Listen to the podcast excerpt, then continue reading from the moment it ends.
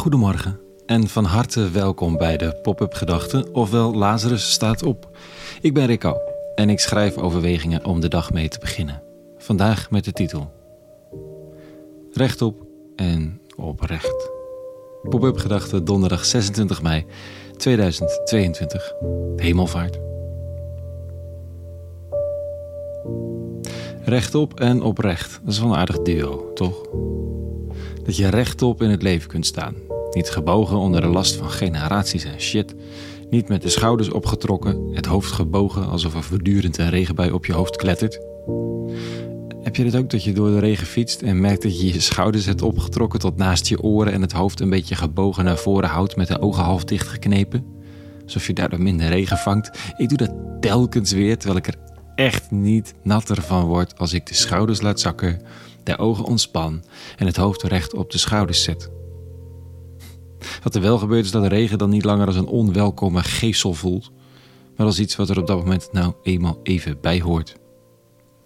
Rechtop in het leven. Kinderlijk bijna. De nek uitgerekt om niets te missen van, met van die zachte open ogen om binnen te laten wat er gebeurt. Niet bijvoorbeeld defensief, maar staan. En dat dan, dat, op, dat rechtop, dan, dan oprecht. De handen open als er feedback komt. Die komt er altijd. De ruiterlijke erkenning, waarom het ruiterlijk heet, dat weet ik dan weer niet. Um, die ruiterlijke erkenning als je niet oké bent geweest. Als je iets vergeten hebt, iets gemist, iets verprutst.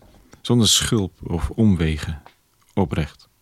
Oprecht geïnteresseerd ook. Willen, weten, voelen, ervaren. Rechtop en oprecht. Het is wel echt een mooi duo. Het is vandaag hemel, Hemelvaartsdag en ik stel me voor dat die rechtop een oprechte houding is waarmee de Messias afscheid nam in het vreemde verhaal van een opstijgende JC. Rechtop, oprecht, zegenend. Het is aan jullie. De leerlingen met het hoofd in de nek en een heel wat tevredener gevoel over het verdwijnen van de man van Nazareth dan al die weken geleden, toen ze zich trillend schuil hielden, vloekend ontkenden dat ze bij hem zouden horen en beschaamd, verstrooid, niets rechtop, niets oprecht.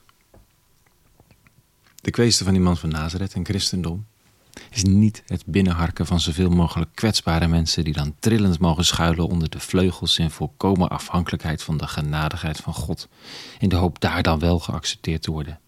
Ja, het is ook voor hen, maar niet met dat doel. Het doel is eerder oprecht, rechtop, mensen vrij van de knagende gewetenslast die weer kunnen vertrouwen op inspiratie, blij met het goede, het kwade incasseren zonder dat het onderuit schoffelt, mens zijn en durven te leven of kunnen leven misschien wel. Het is niet de durf, het is de bevrijding. Dit staat er vandaag in de lezing. Een stukje van de preek van Paulus aan Joodse gelovigen die in Jezus van Nazareth hun Messias hadden erkend. God op aarde. Hij schrijft: Laten we dan God naderen met een oprecht hart en een vast geloof, nu ons hart gereinigd is wij van een slecht geweten bevrijd zijn en ons lichaam met zuiver water is gewassen, laten we zonder te wankelen datgene blijven beleiden waarop we hopen, want Hij die de belofte gedaan heeft is trouw. Het is misschien een beetje insidersjargon allemaal, maar het zijn ook oude teksten. Hè? En als je even filtert, oprecht hart, vast geloof of vast vertrouwen, zo'n heldere innerlijke koor. Dat het hart gereinigd is, ik zou willen dat daar een wassarette voor was. Waar je dan volgens mij nog veel tevredener uitkomt dan uit de sauna. En, een bevrijd van slecht geweten staat er. Mijn god, dat zou een zegen zijn.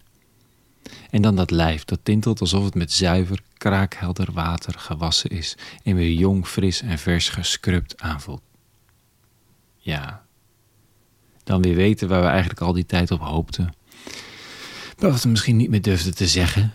In het besef dat het feit dat we bestaan al een belofte in zich herbergt. Dat je er niet voor niets bent. Dat de lucht, het leven, het leven zelf, gedragen wordt door de liefde zelf en jou op het oog heeft. Ook jou. En door jou iedereen en alles op wie jouw oog valt. Mijn zoektocht is niet langer wat moet ik geloven om daar te komen. Wat is waar en hoe zit het dan? De zoek- en vindtocht begint bij dit verlangen dat de woorden in deze zinnen aan een zo diep, misschien wel heilig innerlijk verlangen raken, dat er iets naar buiten geroepen wordt in mezelf, dat er al was, dat het verlangen in zichzelf al een kracht is die me iets meer rechtop en oprecht maakt. Het gaat niet om de mantra's of de dogma's, al zijn er schitterende dogma's in de wereld, of de stroming waartoe je al dan niet behoort. Het begint hier en nu met de erkenning van verlangen, dat het in je huist. Naar een oprecht hart en een vast vertrouwen, naar een bevrijding van een slecht geweten, omdat het je toch maar dwars blijft zitten. En naar hartkamers waar eens goed de bezem doorheen is gehaald. Dat is wat de Jezus van Nazareth kon brengen, zegt hij. En als een geloof dat niet brengt, is het dan nog wel waard om geloof te heten? Of moet het gewoon even geparkeerd worden totdat het zichzelf weer heeft gevonden? Vrije, oprechte en rechtop mensen. Die richting. En dan zwaaien, zwaaien we de Messias uit tijdens een hemelvaart. En nemen zijn rechtop en oprecht leven in ons mee. Tot zover even nog deze pop-up gedachte. Het is fijn om weer te schrijven. En als je het fijn vindt om te luisteren, maandag ben ik er weer met een nieuwe pop-up gedachte. Nu even hemelvaartsweekend.